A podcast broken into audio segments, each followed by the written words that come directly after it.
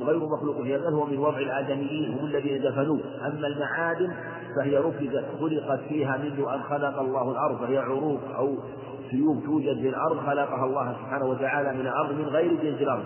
من المعادن من الذهب والفضة والحديد والرصاص والزئبق والقار وما أشبه ذلك. كل ما كان في الأرض من المعادن. واختلف وبعضهم فرق بين المعادن الجامدة والسائلة. فقال السائلة لا تملك والمعادن تملك. فعلى هذا من كان من كان من من حفر معدنا ووجد فيه شيئا من من الذهب والفضة أو الرصاص أو بعض المعادن الجامدة فإنه يملكه وفيه الزكاة. والأقرب أن فيه الزكاة لأن القاعدة أن ما شقت مؤونته فإنه يخفف الزكاة. ولهذا الركاز لما كان مدفونا في الأرض ويوجد بغير مؤونة في الغالب أنه يجد بغير بحث كان فيه الخمس. أما المعدن فإنه يحتاج إلى عمل وإلى بحث. فإذا ملكه إنسان فإن فيه الزكاة وليس له حول بل هو يكون كالمال المتتام المتنامي في وقت يخرج فيه الزكاة مثل تنامي الزروع والثمار التي يؤتى حقها يوم حصادها وليس لها حول. لأن لأنه هذا هو تمام نمائه وهو يوم الحصول عليه فيخرج فيه الزكاة وهذا جاء في آثار عن بعض السلف في وجوب الزكاة فيه حينما يجب. ثم بعد ذلك إذا ملك فإن كان ثم بعد ذلك يستقبل بالحول إن كان ذهبا أو فضة. وإن كان غير ذهب ولا فضة من أنواع ما يوجد في بطن الأرض فهذا إن جعله بعد ذلك للبيع والشراء وجعل جعل التجارة فعل التجارة يبتدئ حولها من حين النية في وإن لم يكن نوى بها شيئا فلا زكاة فيها. باب صدقة الفطر عن ابن عمر رضي الله عنهما قال فرض رسول الله صلى الله عليه وسلم زكاة الفطر صاعا من تمر أو صاعا من شعير على العبد والحر والذكر والأنثى والصغير والكبير من المسلمين وأمر بها أن تؤدى قبل خروج الناس إلى الصلاة. متفق عليه وهذا لفظ البخاري. وفي لفظ آخر فعدل الناس به نصف صاع من بر وعن أبي سعيد الخدري رضي الله عنه قال كنا نعطيها في زمان رسول الله صلى الله عليه وسلم صاعا من طعام أو صاعا من تمر أو صاعا من شعير أو صاعا من زبيب فلما جاء معاذ وجاءت السمراء قال أرى أرى مدا من هذا يعفي المدين متفق عليه واللفظ للبخاري وفي لفظ أو صاعا من ناقص. وقال أبو داود حدثنا حامد بن يحيى حدثنا سفيان حدثنا مسدد حدثنا يحيى عن ابن عجام. سمع عياضا قال سمعت أبا سعيد الخدري رضي الله عنه يقول لا أقيل أبدا إلا صاعا. إنا كنا نخرج على عهد رسول الله صلى الله عليه وسلم صاع تمر أو شعير أو أقط أو زبيب. هذا حديث هذا حديث يحيى. زاد سفيان بن عيينة في أو صاعا من دقيق. قال حامد فأنكروا عليه فتركه سفيان.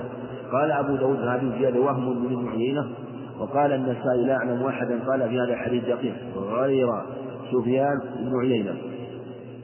قال البيهقي ورواه جماعة. عن ابن عجلان منهم حاتم منهم حاتم بن إسماعيل ومن ذلك الوجه أخرجه مسلم في الصحيح ويحيى القطان وأبو خالد الأحمر وحماد بن مسعد وغيره فلم يذكر أحد منهم الدقيق غير سفيان. غير سفيان وقد أنكر وقد أنكر عليه فتركه. وعن أبي يزيد الخولاني عن شجار بن عبد الرحمن عن عكرمه عن ابن عباس قال فرض رسول الله صلى الله عليه وسلم زكاة الفطر كفرة للصائم من اللغو والرفث وطعمة للمساكين. من أداها قبل الصلاة فهي زكاة مقبولة ومن أداها بعد الصلاة فهي صدقة من الصدقات. رواه أبو داود بن ماجه والحاكم وقال صحيح على شرط البخاري ولم يخرجه. وليس كما قال فإن سيارا وأبا يزيد لم يخرج لهما الشيخان. وأبو يزيد الخولاني وهو الصغير قال فيه مروان محمد شيخ شيخ صدق. وسيار قال أبو زرعة لا بأس به. وقال أبو حاتم شيخ وذكره ابن حبان الثقات. وقال الدار قطني رواة هذا الحديث ليس فيه مدروس وقال أبو محمد نقدسي هذا إسناد حسن. والله أعلم. هذه الأخبار في صدقة الفطر. والمصنف رحمه الله على اختصار إلا أنه جمع كلاما عظيما في هذا الباب. فهي ترجمة عظيمة منه في عنايته بذكر الأخبار المعتمدة في هذا الباب ثم ذكر شيئا من الأخبار التي شيئا من الألفاظ التي بكل ما فيها وذكر كلام بعض أهل العلم من أهل الحديث في بعض الألفاظ فاعتنى بذكر الأدلة مع بيان التصحيح والترجيح في هذه الوقت. رحمه الله وغفره وغفر وغفر الله لنا وله. آمين. هذه الأخبار عن ابن عمر وأبي سعيد وابن علي وابن عباس. حديث ابن عمر الأول هو العمدة في هذا الباب وهو في إخراج صدقة الفطر وأنهم كانوا يخرجون عهد النبي عليه السلام صاعا من شعير أو صاعا من تمر. و و... وأنهم كانوا يخرجونها بعهده عليه الصلاة والسلام على هذا الوصف وهو صاع. وهذا هو الواجب صاع. عن الصغير والكبير والذكر والأنثى والحر والعبد من المسلمين. الواجب في صدقة الفطر صاع. عن كل مسلم ذكرا كان أم أنثى مكلفا أو غير مكلف حرا أم عبدا. من المسلمين وهذه الرواية الصحيحة في الصحيحين وفي غيرهما. والصاع مقدار أربع حفنات بالمد للرجل المعتدل الوسط. لا ليست مد ضخمة وليس مدا آه، صغيرا بل هو ليد الرجل المعتدل أربع حفنات. هذا هو الأقرب في تقدير الصاع. والتقدير بالكيلوات هذا كما قلنا عود إليه لكن السنة والأفضل والأكمل هو الأخذ بالتقدير النبوي وهو التقدير بالأمداد سواء كان في الكفارات أو في الزكوات هذا هو الأفضل من أراد أن يعرف ذلك يأخذ مثلا إناء ويضع ويأخذ إناء ويملأ اليدين المعتدلتين من آه، ما يتصدق به مما يقتات يأخذ حفنة ثم ثانية ثم ثالثة ثم رابعة. أربع حفنات فإذا وضعها في قدح أو في إناء وعلم مقدار ما بلغ يكون هذا الإناء مقدار الصاع يكون هذا الإناء مقدار الصاع ثم يسير به بعد ذلك. يسير به بعد ذلك. وإن أراد أن يقدر بالكيلو فلا بأس. بالكيلو مثلا بالوزن. فهو بالوزن نحو يقارب كيلوين وشيء يسير يزيد. وإن أراد أن يحتاط وجعلها ثلاث كيلو آه، فهو فهو أكمل وأفضل لكن التقدير المضبوط هو التقدير بالكيل بالحبنات بالأمداد. فهو صاع من تمر أو صاع من شعير وفي حديث أبي سعيد صاعا من تمر أو صاعا من زبيب أو صاعا من شعير صاعا من طعام أقل. في لفظ أو صاعا من طعام في اللفظ الآخر أو صاع من أقل. وهذا هو السنة بيان أنها تخرج من المقتات حتى كانوا يخرجون الشعير. لأن مع أن الشعير الآن لا يؤكل بل يكون الغالب طعاما للبهائم لكن لما كان مقتاتا أخرج منه. دل على أنه إخراج من المختار فعلى هذا الصواب أيضا في صدقة الفطر أنه يجوز أنه يجوز إخراجها من القوت سواء كان من هذه الأشياء الموجودة أو من غيرها. مثل الرز الآن الذي هو غالب قوت كثير من الناس اليوم أو ما أشبه ذلك مما يقتات من ذرة. أو قمح أو غير ذلك فكله يجوز إخراجه. أو آقط مثلا إذا كان بعض البلاد يقتاتون الآقط مثلا أو في بعض بلاد البوادي مثلا فلا بأس بذلك. فما يقتات يخرج. صاع. وتكون هذه وتخرج للفقراء والمساكين. والصواب أن صدقة الفطر تكون للفقراء والمساكين. ولذلك قال ابن عباس طعمة للمساكين. في حديث ابن عيينة صاعا من دقيق. المصنف رحمه الله ذكر عنه أن ابن عيينة وهم وقد وهمه كثير من العلماء والحفاظ وبين أدلة في هذا للحكم على هذه الزيادة ومخالفة الأئمة الكبار له ثم أيضا ما يدل على الوهم وإن كنا نقول الأصل هو الحفظ والضبط لكن ابن عيينة رحمه الله توقف فيها وهو إمام حافظ والأصل قبول زيادة لكن لما أنه توقف فيها و آه، كأنه توهم. ثم أيضا في الحقيقة هي قد تكون مخالفة. من جهة أنه أمر به بحبس حبس لكن لو أنه كان عنده مثلا دقيق فطحنه فأخرج من المطحون من الدقيق مقدار صاع وطحنه فلا بأس بذلك من جهة أنه كفاه كفى الفقير المؤونة. إلا إذا كان الفقير أعطاه إياه قال أنا أريد حب فالأصل هو الرجوع للأصل وأن يعطى حب وإذا قبله وأخذه فإنه في الغالب يأخذ الحب لأجل يطحن أو يجرش يطحن مثلا أو يجرش إذا كان مما يجرش فيكون كفاه مؤونة الطاحن أو الجرش. فإذا قبله فلا بأس بذلك. حديث ابن عباس أنها أنها أمر بالزكاة آه، طهرة للصائم اللغو والرفث قبل الصلاة هي زكاة مقبولة. وهذا السنة أن تؤدى قبل الصلاة. قبل الصلاة فإذا أخرجها بعد صلاة الفجر وقبل صلاة العيد آه، فهو أفضل. وإن أخرجها ليلة العيد أو قبله بيومين أو ثلاثة فهو أفضل. مما ثبت في الحديث صحيح كانوا يخرجونها في عهد النبي عليه الصلاة والسلام قبله بالفطر بيوم أو يومين. وثبت في صحيح البخاري معلقا ذكره البخاري رحمه الله في نحو في نحو ستة مواضع سبعة مواضع في حديث الصدقة. الحديث ذلك الرجل ذلك الجن الذي جاء إلى أبي هريرة وقد كان يجمع صدقة الفطر فيقول إني فقير ثلاث ليالي وهو يأتيه. وحتى جاء به في الليلة الرابعة للنبي عليه الصلاة والسلام وقال له ما قال في تتمة الخبر وفيها أنه ثلاث ليالي. يبين أنه كانت تأتيه قبل قبل هذه المدة في نحو يومين أو ثلاثة أيام. وهذا لا بأس به من جهة إخراج الصدقة قبل ذلك. إخراج الصدقة قبل آه، ذلك بهذه إلا إذا كان يعطي الصدقة لوكيل الفقير فلا بأس أن يخرج آه، آه، لأن المقصود أن إخراجها قبلها بيوم أو يومين فلا بأس به. أما بعد الصلاة بعد الصلاة فلا يجوز إلا من عذر من عذر ومن أعطاها ومن أعطاها مثلا أعطاها لغير الفقير قبل الصلاة ووصلت إلى الفقير بعد الصلاة فإن كان المعطى فإن كان المعطى وكيل الفقير فلا بأس ولو لم تصل إلى الفقير بعد الصلاة. وإن كان المعطى وكيلك أنت فلا تجزئ فلا تجزئ حتى إلا إذا وصلت إلى الفقير قبل الصلاة إلا من عذر من إنسان ما وجد الفقير أو ما أو تعذر عليه الحصول على هذه الزكاة. مثلا أو ما علم مثلا بالعيد إلا بعد ذلك الناس عيد الناس فهذا فالعذر له. فمن كان معذورا فلا بأس بذلك ولا يعتبر من ومن أخرجها بعد الصلاة فهي صدقة من الصدقات. وهذا هو الصواب خلافا لمن قال تجزي بعد الصلاة إلى غروب الشمس ومع الكراهة أو قال تجزي بلا كراهة. والأظهر هو ما دل عليه هذا الخبر وما دل عليه حين عباس وما دل عليه الخبر الآخر. كانوا يعدونها عهد النبي عليه الصلاة والسلام يوم أو يومين. باب قسم الصدقات. عن عطاء بن يسار عن أبي سعيد الخدري رضي الله قال قال رسول الله صلى الله عليه وسلم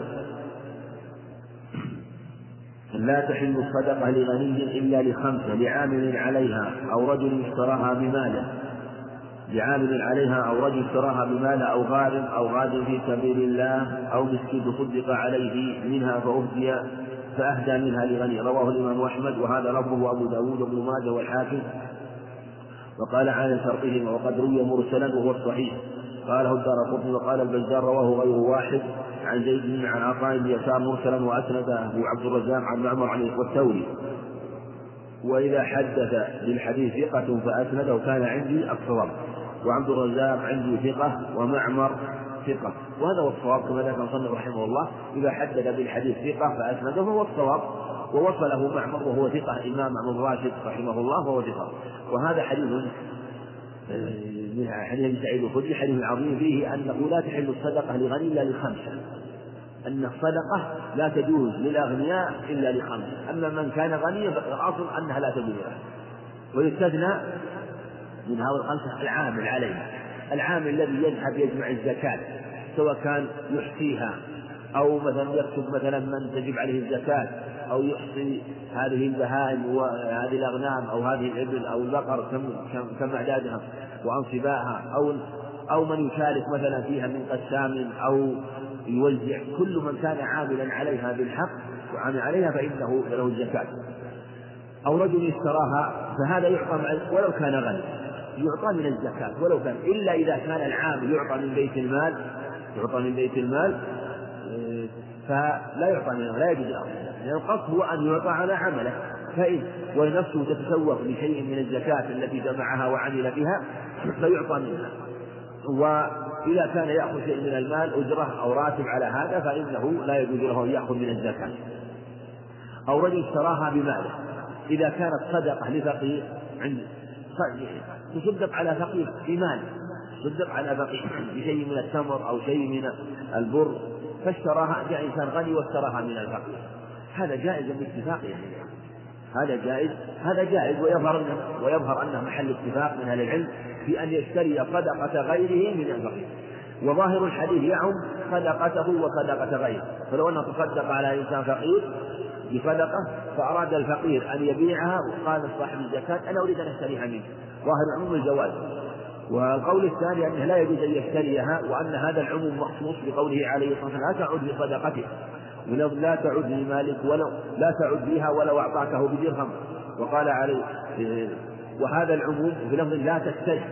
لما أراد عمر الخطاب رضي الله عنه أنه وقف فرسا على إنسان أو أعطاه لإنسان فأضاعه فأراد أن يبيعه فأراد عمر أن يشتريه. فقال لا تشتري. يقول عليه الصلاة والسلام ولو أعطاته بدرهم يعني لو باعته بدرهم فنهاه أن يشتري هذا هذه الصدقة. هذا العموم مخصوص بصدقة مخصوص بصدقته على غيره. إذا تصدق هو على إنسان أو أعطاه سواء كانت صدقة صدقة تطوع أو صدقة واجبة. بل إنه إذا كان لا يشتري صدقة الصدقة الواجبة فصدقة التطوع من باب أولى لأن صدقة التطوع أعطاها عن تطوع وليست واجبة عليه فالمنة فيها أعظم. فالإعراض عنها هو المتعين ولهذا نهى عن الرجوع فيها مطلقا وأنه لا يعود في صدقته وأنه وأنه إذا وهب هبة أو فإنه كالكلب يقي ثم يعود في قيئة. وهذا تنفير من الرجوع فيها بأي طريق من طرق الرجوع. فإذا كان لا يعود فيها ولو جاءته فلا يعود فيها بطريق الشراء من باب أولى أيضا لا يعود فيها لو وهبت له أو أعادها إليه آه، على طريق الإكرام. فالمقصود أنه لا يعود فيها إذا كانت صدقته والمراد بهذا رجل اشتراها بماله إذا كانت صدقة غيره أو غارب. والمراد بالغارب هنا من غرم لإصلاح ذات البين لأن الغارم لنفسه فقير. في الحقيقة هو مدين وهو فقير. يعني هو لأن في الغالب أن المدين يكون محتاج في الغالب وإلا لو كان غير محتاج. وقد يكون مثلا غير محتاج من جهة أنه عنده شيء من المال يكفيه لنفقته وليس بفقير لكن لا يستطيع سداد الدين فيعطى لكونه مدينا. فالمراد بهذا الغارم الذي غرم لإصلاح ذات البيت. فلو كان إنسان غني وعنده أموال كثيرة فأنفق مالا لإصلاح بين طائفتين أو بين شخصين أو بين قبيلتين أو جماعتين فدفع شيئا من المال للإصلاح بينهم فإن هذا من الأعمال الحسنة. والشريعة جاءت من الأخلاق والأعمال والدعوة إليها. فلا ينبغي يترك هذا الرجل الذي سعى إلى هذا الأمر العظيم فيترك بل ينبغي أن يعان ويساعد حتى من الصدقة أو غازي في سبيل الله. لو أن إنسان أراد الجهاد في سبيل الله وهو غني في بلده فلا بأس أن نعطيه من المال بالنفقة في طريقه أو ما يشتري به بناء السلاح يعطى بقدر النفقة ومجموعة من وأهل الزكاة على أصناف منهم من يأخذ أخذا مستقرا الفقراء والمساكين والعامل عليها والمؤلفة قلوبهم. هؤلاء الأربعة يأخذون أخذا مستقرا إنما الصدقة للفقراء والمساكين والعامل والعامل عليها والمؤلفة قلوبهم وفي الرقاب والغارمين وفي سبيل وابن السبيل أما الغارم وفي سبيل الله وابن السبيل فها فالغارم لإصلاح ذات البين إذا مثلا قرنا عليه مئة ألف ريال لإصلاح ذات البين فأعطي مثلا مئة ألف فيخرج على أنه يسدد الدين. فهذا فهذا يأخذ ما يكون به سداد الدين والباقي لا يطيب له. وكذلك وكذلك أيضا بقية الأصناف. فالمقصود أربعة يأخذون أخذا مستقرا إلا إذا كان الفقير أعطي عطاء خرج به عن حد الفقر إلى حد الغنى فلا يطيب له لأنه يعطى عطاء يكفيه. فإذا زاد المال وصار وفاض عن حاجته وزاد فإنه لا يطيب له هذا المال فلا يعطى إلا بقدر حاجته ونفقته لعام واحد. وعن عبيد الله بن عدي الخيار أن رجلين حدثاه أنهما آتيا رسول الله صلى الله عليه وسلم يسالانه من الصدقة فقلب فيهما البصر فرآهما جلدين فقال إن شئتكما شئتما أعطيتكما ولا حظ فيها لغني ولا لقوي مكتسب رواه الإمام أحمد. وقال ما أجوده من حديث وأبو داود والنسائي وهذا لفظه والحديث حديث صحيح وله شاهد من حديث عبد الله بن عمر عند أبي داود وفيه لا حظ في لا حظ فيها لغني ولا لذي مرة سوي وجاء أيضا من حديث من حديث أبي هريرة عند النسائي. فالمقصود أنه قال أن الرسول عليه الصلاة والسلام لما جاءه هذان الرجلان قال إني أراكما جلدين يعني من الجل من القوة وإنه لا حظ فيها لغني ولا لقوي. فالغني لا حظ له لا حظ في الزكاة لحاجة إنما حظه بها إذا كان لغير حاجة هو لأجل إصلاح ذات البين أو لأمر آخر يتعلق مثلا بنفقة في الجهاد أو كان مثلا في ابن سبيل مثلا مسافر فهذا يعطى في في الطريق بقدر ما يسد حاجته يعني بقدر ما يسد حاجته ولو كان في بلده غنيا. ولا لقوي مكتسب. ظاهر النص أنه ما يجوز للقوي أن يأخذ من الزكاة. لكن يشترط أن يكون هذا القوي يحسن البيع والشراء مكتسب. أما إذا كان قوي لكن أخرق لا يحسن البيع والشراء فلا يعطى من الزكاة لهذا قال لقوي مكتسب. وهذا يفسر؟ آه، قوله عليه السلام في حديث آخر ولا لذي مرة سوي. المرة قوة سوي صحيح الأعضاء. فإذا كان صحيحا مكتسبا فلا يجوز. أما إذا كان آه، قويا وصحيح البدن لكنه لا يحسن البيع والشراء فلا فلا بأس من إعطائه هذا يبين أنه لا يجوز للمكتسب أن يأخذ من الزكاة. ومن باب أولى أنه لا يجوز أن يسأل فإذا كان لا يجوز أن يأخذ الزكاة فسؤال الزكاة أشد تحريما. وفي هذا أيضا أنه من سأل الزكاة وهو الظاهر محتاج وإن كان الظاهر أنه صحيح البدن قوي البدن لا بأس أن يعطى لأن السؤال له مذلة فإذا سأله وهو محتاج وظهر منه القوة لا الغنى. إذا ظهر الغنى لا يجوز. لكن ظهر منه قوة البدن وأنت لا تدري هل هو مكتسب أو ليس مكتسب فاعمل ما عمل عليه الصلاة والسلام بأن تبين له الزكاة ما تجوز إلا لمن احتاج إليها فإن كنت محتاج إليها جاز لك وإن كنت مستغنيا عنها فلا يجوز لك لكونك لك حرفة أو أنك تستطيع أن تتكسب تستطيع البيع والشراء فيحرم عليك ذلك هذا هو الصواب. وقال بعض العلم بعض العلم بجوازها للقول مطلقا إذا لم يكن لديه مال إذا كان ولو كان مكتسبا والأظهر ما دل عليه الخبر أن من كان مكتسبا يحسن البيع والشراء والاكتساب فلا يأخذ من الزكاة. وعن قبيصة بن المخالف الهلالي رضي الله عنه قال تحملت حمالة فأتيت رسول الله صلى الله عليه وسلم أسأله بها فقال أقف حتى تأتينا الصدقة فنأمر لك بها. هذا فيه فائدة أنه يجوز أن تصرف الصدقة لصنف واحد خلافا لمن قال يجب توزيعها بين أصناف الثمانية مثل الشافعية والصواب أنه يجوز أن تصرف صدقتك لفقير واحد أو مسكين واحد أو إنسان واحد ولا ولا يلزمك أن توزعها، أما قوله سبحانه وتعالى إنما الصدقات للفقراء. الآية ليس المراد منها أنه بيان من يجب بيان وجوب توزيع على الأصناف إنما هو بيان للمصرف أن هذه الأصناف الثلاثة هي مصارف الزكاة فأي صنف صرفتها إليه يجوز أن تعطيها فيه. ولهذا قال أقم حتى تأتينا الصدقة فنأمر لك بها. فأراد أن يعطيه الصدقة وهو صنف واحد. ولم يقل ان يعطيه شيئا منها بل نأمر لك بالصدقة عند جميع الصدقة. ثم قال يا قبيصة إن المسألة لا تحل إلا بحديثها هذا في على أن الأصل في المسألة التحريم وأنها لا تجوز. رجل تحمل حمالة فحلت له المسألة حتى يصيبها ثم يمسك وهذا كما سبق في الحمالة يجوز أن يصيب منها ثم يمسك. يعني يأخذ بقدر الحمالة ثم يمسك. فإذا أعطي مثلا طلب مالا قال أنا علي حمالة تحملت حمالة في حالة البيت فطلب مالا مثل كثير من الناس يأتون يريدون الرفق والمساعدة فإذا كان عليه مئة ألف ريال فأعطي.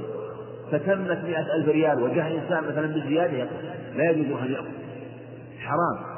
لأنه لم يعطى أولا لا يعطى إلا بقدر لأن هذه زكاة فلا تصرف إلا بقدر الحاجة الشيء الثاني أن الذي أعطاه أعطاه على ظن أنه محتاج ولهذا قال ثم يمسك يمسك عن ما زاد عما تحمله ورجل أصابته جائحة اجتاحت ماله فحلت مثلا حتى يصيب قوام من عيش أو قال استبادا من عيش.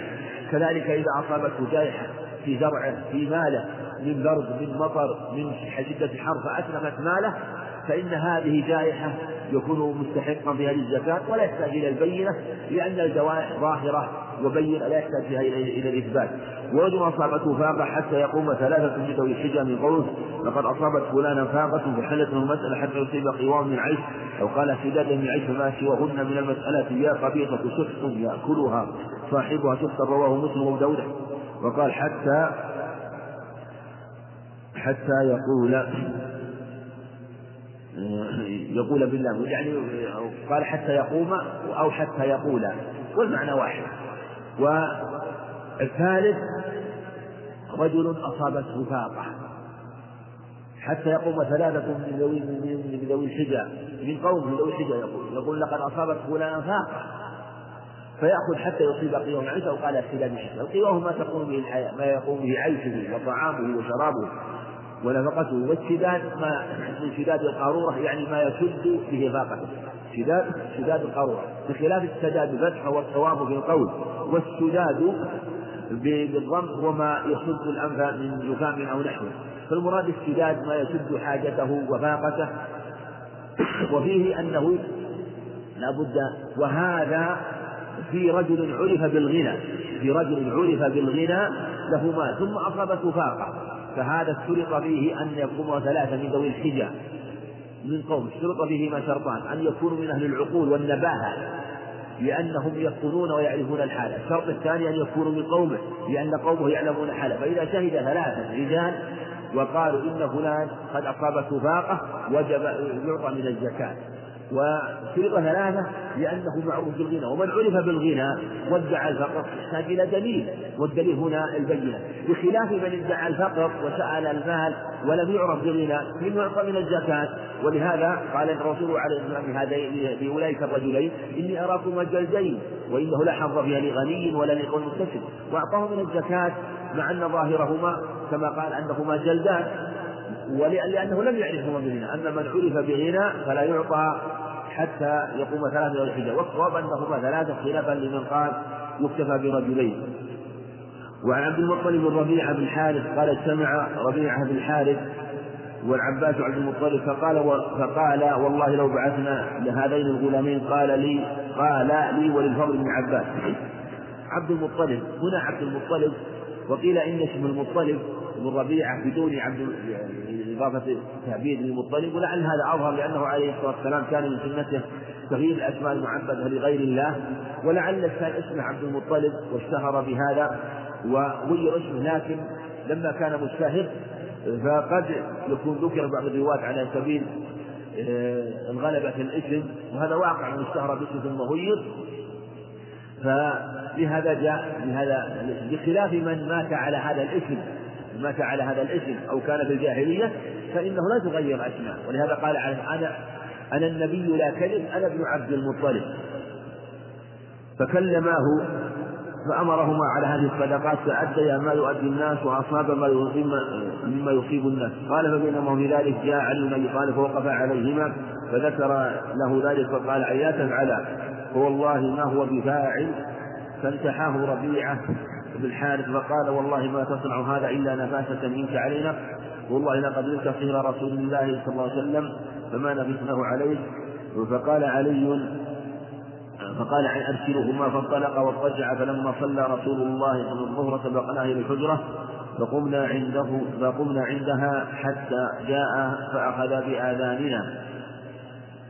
فالمراد أن علي رضي الله عنه كان علم أو سبق له علم أنهما لا تحل لهما الصدقة لأنهما من بني هاشم وبني هاشم لا تحل لهما الصدقة. فلما سواء كان على طريق العمالة والعمل أو على طريق الإعطاء ابتداء. فلما أصرا قال اذهبا فسوف ترجعان بحول ما ذهبتما يعني بما بعدم الحصول على شيء وأنه سيمنعكما من العمل. ثم قال أخرجا ما تكرران. يعني ما تخفيان أو ما تكتمان من القول. ثم دخل ودخلنا عليه وهو يومئذ عند زينب بنت جحش رضي الله عنها. قال فتواكلنا الكلام. ثم تكلم أحدنا فقال يا رسول الله أنت أبر الناس وأوصل الناس وقد بلغنا النكاح. وجئنا لتؤمرنا على بعض الصدقات فنؤدي إليك ما يؤدي الناس ونصيب كما يصيبون. قال فسكت طويلا حتى أردنا أن نكلمه؟ وهكذا كان عليه الصلاة والسلام. يسكت أحيانا إذا كلم أو إذا سئل في بعض الأمور ربما يتوقف وربما لأجل أن يفهم السائل وربما لغير ذلك وربما انتظار الوحي عليه الصلاة والسلام. قال وجعلت زينب كل علينا من وراء الحجاب. ألا تكلمه لأنها تعلم آه، تعلم منه عليه والسلام ما لا يعلمان لعشرتها له فقالت لا تكلمه لا تنتظر لا تكلم اسكتها حتى يعني يبدأكما بالحديث. قال ثم قال إن الصدقة لا تنبغي لمحمد و لآل إن لا تنبغي لآل محمد إنما هي أوساخ الناس. ادعوا لي محمية بن جز وكان على الخمس ونوفل بن عبد الحارث بن عبد المطلب. قال فجاءه فقال لمحمية أنكح هذا الغلام ابنتك. للفضل بن عباس فأنكح. وقال نوفل الحارث أنكح هذا الغلام ابنتك. لي لي فأنكحني وقال نحن أصدق عنهما من الخمس كذا وكذا. قال الزهري ولم يسمه لي وفي طريق آخر فألقى رداءه. ثم اضطجع عليه وقال أنا أبو حسن القرن.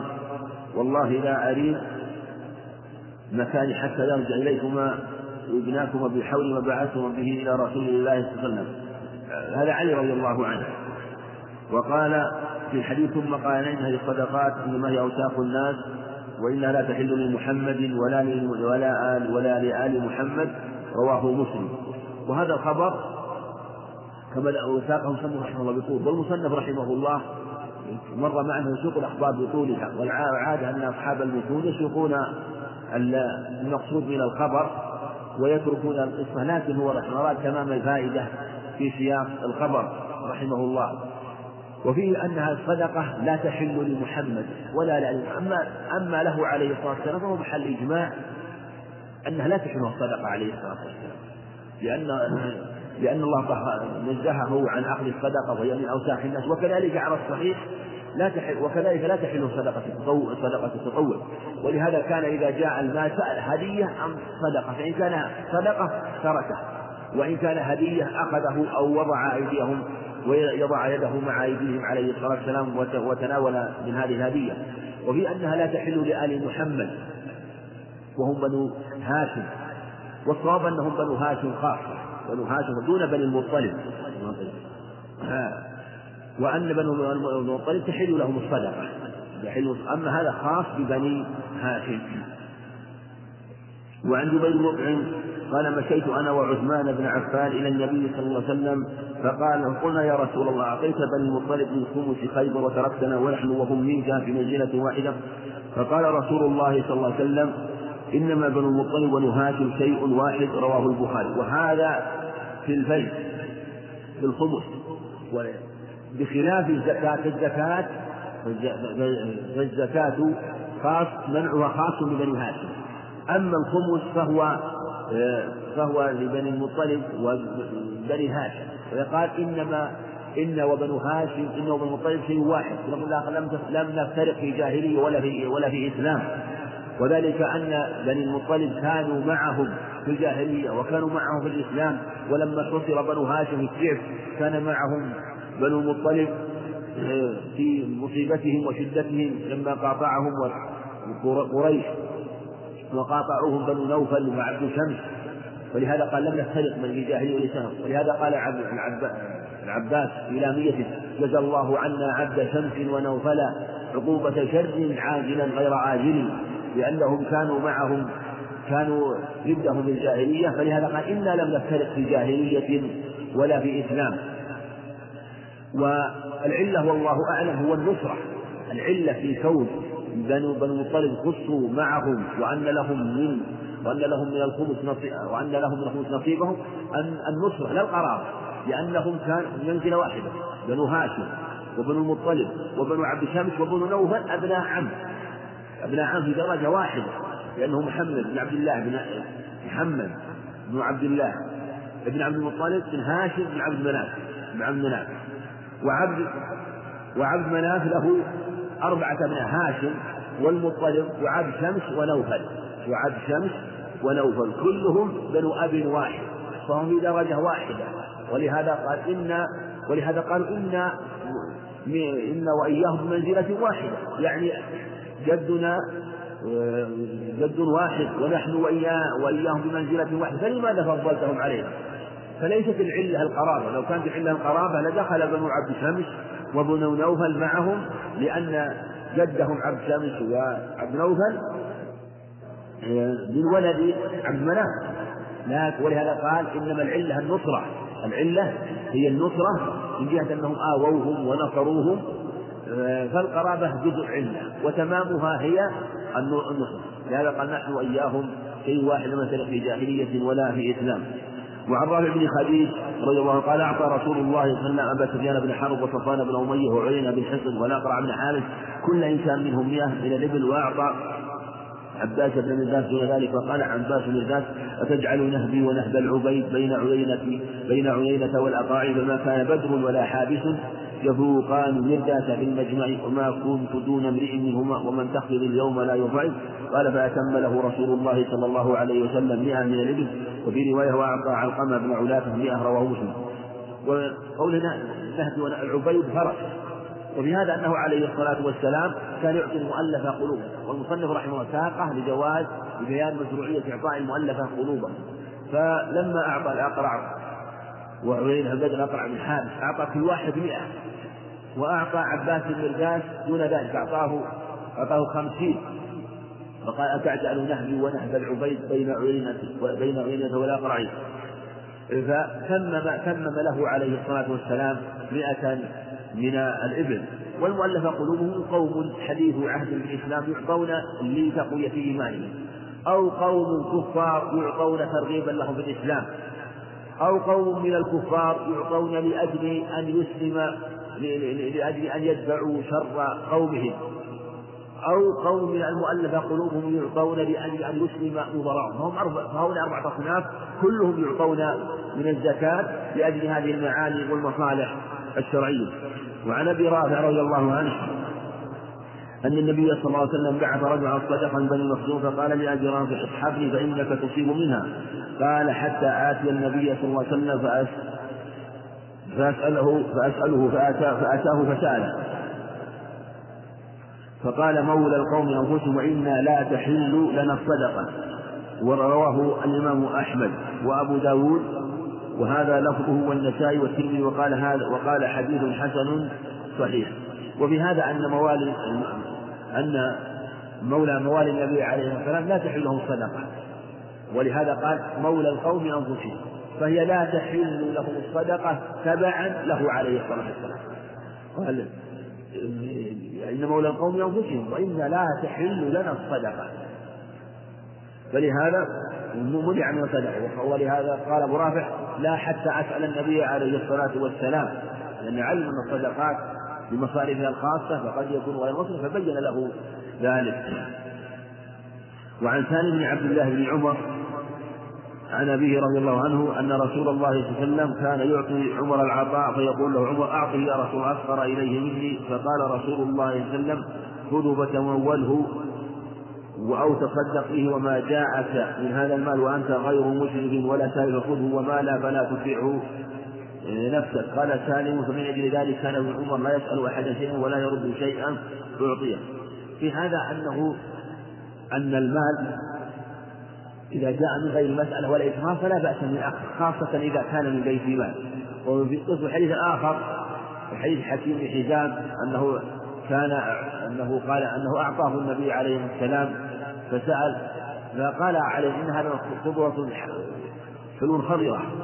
فمن أخذه بإسراء يطيب نفسه بورك له ومن أخذه بإسراء نفسه لم يبارك ولم يبارك له فيه فكان حكيم رضي الله لا لا يسأل أحدا ولا يرجو أحدا فيدعو عمر رضي الله عنه فيمتنع فيقول يا أيها الناس أشهدكم على حكيم إن يعطيه من حقه أو فلا يأخذ منه شيئا. فلم يرجع حكيم أحدا بعد وفاة رسول الله صلى الله عليه وسلم.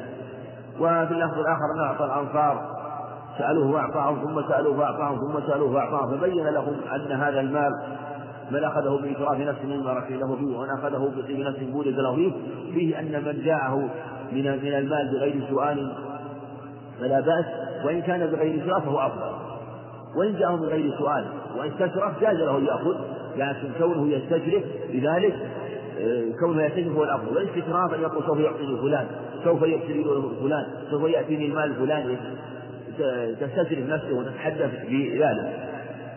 وفيه أنه يأخذ يأخذ منها أنه يأخذ من هذا المال.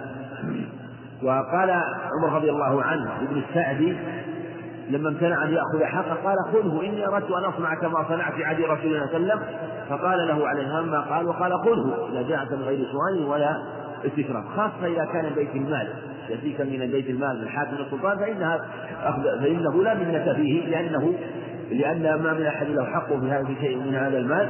فلهذا كان يأمر بأخذه إلا إذا كان ما يأتي فيه شبهة أو فيه حرام علم ذلك فإن كان محرما حرام أو فيه شبهة على الخلاف في جواز أخذه أو كراهة أخذه بكلام أهل في هذا والحديث في الصحيحين. نعم وله ألفاظ. باب في المسألة. عن عبد الله بن عمر رضي الله عنهما قال قال رسول الله صلى الله عليه وسلم ما يزال الرجل يسأل الناس حتى يأتي يوم القيامة ليس في وجهه مزعة لحم متفق عليه. وفي هذا كما سبق تحريم المسألة وأنه لا تجوز الأصل في مسألة التحريم. ولهذا قال يزال يسأل حتى يأتي يوم القيامة يسأل الناس حتى يأتي يوم وليس في وجهه مزعة لحم يأتي يوم القيامة وهو عظم عقوبة عقوبة تمثيل به. ففيها عقوبة وربما أيضا في عقوبة أخرى من جهة أنه إذا كان عظم يكون أشد عقوبته حينما يتعرض لهول ذلك اليوم وشدته يمثل به حتى يعرف بين الناس. فإذا سأل أموال الناس خاصة من كان سألها تكثرا غير الحاجة فلا فلا يجوز له ذلك. الأصل في المسألة التحريم. ولهذا يعني كونه يأتيه المال بغير سؤال أسهل وحتى قال بعض العلم لا يسأل الإنسان إلا إذا كان لا يجد قوت يوم. أما إذا كان يجد قوت يوم فإنه لا يسأل. يعني في حديث سعيد الحنظلية لو قال في حديث سعيد خذ من سأل وله قيمة وقية فقد ألحق. حديث مسعود وله خمسون درهما فقد ألحق.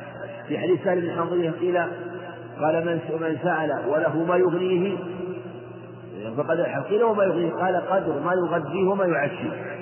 فإذا كان عليه عنده قدر قوت فلا يحسن لا يحسن أما الزكاة فله أن يأخذ ولو كان عنده قدر القوت إذا لم يكن عنده ما يكفيه لقوته سنة وله ولأهله.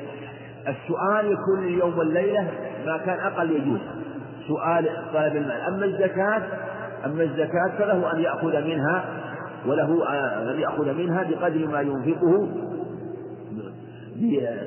بسنة كاملة على قدر قوته له وللأولاد وعن أبي هريرة رضي الله عنه قال قال رسول الله صلى الله عليه وسلم من سأل الناس أموال تكثر فإنما يسأل جمرا فليستقل أو ليستكثر رواه مسلم.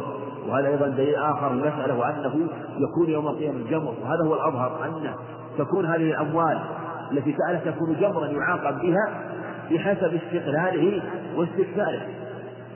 وعن الزبير بن عوام رضي الله عنه قال عن النبي صلى الله عليه وسلم قال لأن يأخذ أحد أحدكم حبله فيأتي بحزمة الحطب على ظهره فيبيعها فيكف الله بها وجهه خير له من أن يسأل الناس أعطوه أو منعوه رواه البخاري.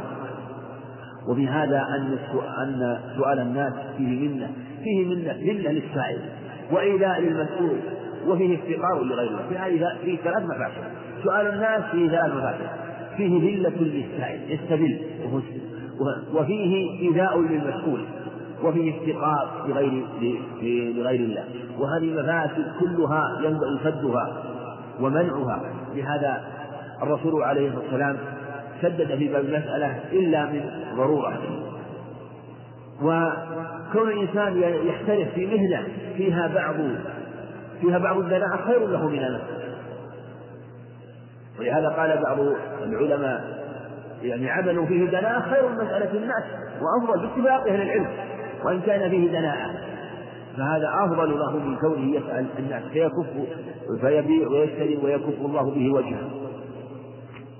وعن سمرة بن جندب رضي الله عنه قال قال رسول الله صلى الله عليه وسلم إن المسألة كد يكد بها الرجل وجهه إلا يسأل الرجل سلطانا أو في أمر لا بد منه الترمذي والصحة. ورواه أيضا أبو داود النسائي وفيه أن كد خدوع وفي هذا شاهد الحديث السابق أنه يأتي يوم القيامة ليس في وجهه مزعة لحم فهي تختلف. قد تكون كدوش وخدوش وقد يبالغ فتكون يأتي يوم القيامة وجهه عظم لا لحم عليه. يكد الرجل بها وجهه إلا يسأل الرجل سلطانا فإنه لا منة في ذلك. أو في أمر لا بد منه في ضرورة. في أمر لا يحتاج ويضطر فلا بأس من هذا الحديث حديث صحيح. وعن ابن الفراش أن الفراش رضي الله عنه قال لرسول الله صلى الله عليه وسلم أسأل فقال النبي صلى الله عليه وسلم لا وإن كنت فإن لابد فاسأل الصالحين. رواه أحمد وأبو داود والنسائي. ابن الفراش هذا مجهول ولا يعرف اسمه ورواه عنه مسلم المقشي وهو أيضا مجهول فالحديث ضعيف وهذا فيه استثناء سؤال الصالحين. لكن الخبر لا يثبت والأظهر والله أعلم أنه لا يسأل الناس إلا ما استثنى في أمرين إلا الرجل سلطانا أو في أمر لا بد له. فالسؤال لا يسأل لا يسأل الصالحين ولا غيره والخبر لم يثبت. ولهذا ثبت الأخبار عن النبي عليه الصلاة والسلام في ذم المسألة وعدم السؤال. بل الرسول عليه الصلاة صحت عنه الأخبار في أنه بايع أصحابه ألا يسألوا الناس شيئا. بل بايع أبا ذر وثوبان وأبا بكر أنه لو سقط صوت أحدهم فينزل فيأخذه ينزل فيأخذه ولا يسأل الناس أن يناوله إياه. وفي لفظ آخر عند مسلم أنه بايعهم فأسر كلمة خفية لبعض أصحابه قال لا تسألوا الناس شيئا. خص بعض أصحابه أن هذه يعني حينما أسر كأنه والله أعلم لا يلتزم بها إلا خصوص الناس ولهذا أسر بها إلى خصوص أصحابه ألا تسألوا الناس شيئا. وإلا في الغالب الناس لابد أن يسأل شيئا من شيئا يسير لو إما أن يسأل الماء أو يسأل الطعام عند حاجته. فالمقصود أنه أن الأصل هو منع المسألة مطلقا وهذا الخبر في ثبوت نظر. ويحمل إن صح على وجه وافق الأخبار. من جهة أنه يحتاج فيسأل من يعطيه بدون أن يذله وبدون أن يمن عليه لأنهم يحتسبون في عطائه الدار الآخرة والجزاء والثواب بخلاف غير الصالحين. فإنه ربما من وربما ذكر عطيته فيحصل له إذاية للمعطى ومنة عليه. هذا إن صح الخبر. باب صدقة التطوع. عن أبي هريرة رضي الله عنه عن النبي صلى الله عليه وسلم قال سبعة يظلهم الله بظله يوم لا ظل إلا ظله إمام عادل وشاب نشأ بعبادة الله. ورجل قلبه معلق بالمساجد ورجلان تحابا في الله اجتمع عليه تفرقا عليه. ورجل دعته امرأة ذات منصب وجمال فقال إني يخاف الله. ورجل صدق بصدقة فأخفاها حتى لا تعلم شماله ما تنفق يمينه. ورجل ذكر الله خاليا ففاض ففاضت عيناه متفق عليه وهذا حديث عظيم فيه سبعة يظلهم الله. إمام عادل وأنه إذا أن حسناته عظيمة لعدله ولأن حسنات الأئمة العادلين تعم فإذا عمت كان نفعها بحسب عظمها وكان جزاؤها بحسب عونها وعد شاب نشأ في عبادة الله لأن الشاب مظنة الشهوة هو مظنة يعني الالتفات إلى بعض أهواء الدنيا وشهواتها فإذا كان بهذه الصفة فإنه يظن إمام عادل وشاب نشأ في عبادة عبادة الله ورجلا تحابا في الله اجتمع عليه وتفرق عليه ورجل قلبه معلق في المساجد ورجعت امرأة ذات منصب وجمال فقال إني أخاف الله. ورجل تصدق ورجل تصدق بصدقة فأخفاها حتى لا تعلم شماله ما تنفق يمينه. هذا مبالغة في الإخفاء وإن كان في الغالب أنه لا يخفيها عن نفسه لكن كأنه لو كانت شماله تدرك فيخفيها. هذا يبين أنه يخفيها عن من حوله. ورجل ذكر الله خاليا ورفع عيناه. وقال المصطفى إن سبعة يظلهم الله الكريم ظله محب عفيف ناشئ متصدق وباك مصل والإمام بعدله. هؤلاء السبعة يظلهم الله بظله وجاء في حديث أبي اليسر عند مسلم من من يسر على معسر أو وضع له أظله الله في ظله. وجاء في خصال أخرى كثيرة ذكرها العلماء أكثر من هذه الخصال أنه يظلهم الله بظله يوم لا ظل إلا ظله. وعن يزيد بن حبيب أن أبا الخير حدثه انه سمع عقبة بن عامر يقول عقبة بن عامر رضي الله عنه يقول سمعت رسول الله صلى الله عليه وسلم يقول كل امرئ في ظل صدقة حتى يفصل بين الناس أو قال حتى يحكم بين الناس. قال يزيد وكان أبو الخير لا يخفيه يوم لا يتصدق فيه بشيء ولو كعك أو بصلة رواه الحاكم وقال صحيح أسد مسلم والمخرجات وأيضا رواه الإمام أحمد بسند صحيح. وفي هذا فضل صدقة التطوع وفضلها آه، وفضل صدقة التطوع ثبتت به النصوص. وفي هذا لكن ذكره المصنف رحمه الله لأنه مناسب لما سبق. في في ذكر سبعة. قال أنه أنه في ظل صدقته أنه في ظل صدقته. وظاهر هذا أن الصدقة تجسم يوم القيامة وتأتي صدقته سواء كان طعاما أو مالا تجسم وتأتي وأنه يظل وأنه يكون في ظلها. والله على كل شيء قدير سبحانه وتعالى. وعن أبي خالد الذي كان ينزل في بني دالان عن نبيح عن أبي سعيد الخدري رضي الله عنه عن النبي صلى الله عليه وسلم قال أيما مسلم كسى مسلما ثوبا على عري كساه الله من خضر الجنة. وايما مسلم أطعم مسلما على جوع أطعمه الله من ثمار الجنة. وأيما مسلم سقى مسلما على ظمأ سقاه الله من الرحيق المختوم رواه أبو داود بن ابي العنزي وثقه ابو زرعه وابن حبان وأبو خالد اسمه يزيد. وقد وثقه أبو حاتم الرازي وقال ابن معين والنسائي ليس به بأس. وقال الحاكم أبو أحمد لا يتابع في بعض حديثه. حديث أبي سعيد الخدري من طريق أبي خالد الدالاني أبو خالد الدالاني قال فيه حافظ تقريب صدوق كثيرا وكان يدلس وقد كنت في هذا الحديث كنت أظن ضعفه لأنه من طريق أبي خالد الدالاني اعتماد على كلام الحافظ التقريب رحمه الله أنه كان يخطئ كثيرا وكان يدلس وهذا الذي كنت أعرفه بجهة ضعفه ثم راجعت راجعت كلام الحافظ في التهذيب وتبين أنه ليس كذلك وأنه فوق هذه المنزلة. وكما ذكر المصنف أنه قال ابن معين والنسائي لا بأس به واتقى أبو حاتم وابن معين وهكذا قال يوحد قال لا بأس به وأبو حاتم وأبو أحمد الحاكم أيضا قواه. فعلى هذا إذا كان هؤلاء قووه فأقل الأحوال يكون الصدوق أو ثقة. إنما تكلم فيه بعض المتأخرين أو بعض من لا يعتمد عليه عليه. كابن حبان مثلا يعني ما يعتمد عليه مقابل كلام الأئمة أو ابن سعد فإنه قال منكر الحديث وابن سعد وإن كان إماما لا لكن قال الحافظ رحمه الله في في مقدمة الفتح قال ما معناه إنه لا يعتمد عليه لأنه يأخذ عن الواقدي فلهذا الأظهر على هذا يكون ابن الدالاني وهو يزيد بن عبد الرحمن الدالاني فيكون جيدا ويكون صدوقا أو ثقة ويكون هذا الخبر خبر جيد. وهذا مما يبين الحافظ رحمه الله أن تراجم في التقليد مما يحتاج إلى تحرير مما لا يعتمد عليه كثير. وإن كان الغالب عليه أنه يوافق الصواب رحمه الله لكن كأنه والله أعلم أمن هذه التراجم من حفظه بحسب معرفته بالرجال وربما راجع بعض الأحيان. ونبيح هذا بن عبد الله العنزي أيضا قال في التقريب مقبول وفي ويتبين بالتهذيب أنه ليس كذلك بل هو فوق المقبول. فعلى هذا يكون هذا الخبر خبر جيد في فضل آه، الإطعام على جوع والسقي على ظمأ وكذلك يكون كسوة العريان. آه، وجاء أيضا رواه الترمذي أيضا هذا الخبر من رواية عطية عن عطية بن سعد بن نافع العوفي عن أبي سعيد. لكن هذا الخبر بهذا الطريق يكون جيدا. وعن ابن عباس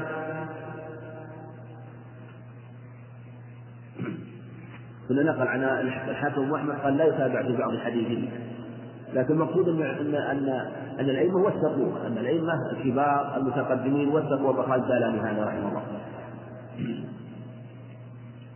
وعن ابن عباس رضي الله عنهما قال كان النبي صلى الله عليه وسلم كان كان النبي صلى الله عليه وسلم اجود الناس بالخير وكان أجود ما يكون في رمضان حين يلقاه جبريل وكان جبريل عليه السلام يلقاه كل ليلة في رمضان حين حتى ينسلخ يعرض عليه النبي وسلم القرآن فإذا لقيه جبريل عليه السلام كان أجود بالخير من الريح المرسلة متفق عليه. وهذا في بيان أنه كان أجود الناس وكان ينفق وكان لا يدخر لا يترك شيئا عليه وكان لا يدخر شيئا لغد وكان إذا أتاه المال قسمه بالحال وكان أجود ما يكون في رمضان. وفي كل أحواله كان جواد عليه الصلاة والسلام. وكان لا يسأل شيئا إلا أعطاه. قال جابر ما سئل النبي صلى الله عليه وسلم إلا أعطاه. وفي يوم من الأيام لبس بردة عليه الصلاة والسلام فخرج إلى أصحابه كالمعجب بها كأنها سرته واحدة فقال رجل من أصحابه ألا كسوتني ألا كسوتنيها فكأن بعض أصحابه كرهوا فرجع عليها إلى بيته فنزعها ثم جمعها ثم جاء وأعطى ذلك الرجل. فنامه بعض الناس وقال سألته إياها وقد خرج فيها وقد علمت أنه لا يرد شيئا فقال والله ما سألته إياها إلا لتكون كفني قال سهل فكانت كفنه. فهكذا كان كان خلقه عليه الصلاة والسلام بأبيه وأمه عليه الصلاة والسلام من جهة أنه كان لا يسأل شيئا إلا أعطاه إياه. وكان أجود ما يكون كما قال في الخبر أجود ما يكون في رمضان من جهة أن جبريل كان يدارسه القرآن. فاجتمع مدارسة القرآن وحضور جبريل وشهر رمضان فكان فهذه الأشياء حصل منه الجد والاجتهاد في النفقة والجود عليه الصلاة والسلام. وعن حكيم بن حزام رضي الله عنه عن النبي صلى الله عليه وسلم قال اليد العليا خير من اليد السفلى وابدا بمن تعود وخير الصدقة عن ظهر غنى ومن يستعفف يعفه الله ومن يستغني يغنيه الله. رواه البخاري بهذا اللفظ وروى مسلم اكثره لهذا أيضا فضل النفقة. والصدقة وأن اليد العليا هي اليد المنفقة واليد السفلى هي السائلة. فضل اليد العليا. والأيدي أقسام يد الله هي العليا لأنه هو المعطي المانع سبحانه وتعالى. ويد السائل ويد ويد المعطي هي التي تلي يد الله عز وجل. واليد الثالثة هي اليد المتعففة التي إذا أعطيت لا تقبل. واليد الرابعة يد السائلة. فأعلى الأيدي يد الله عز وجل حسا ومعنى.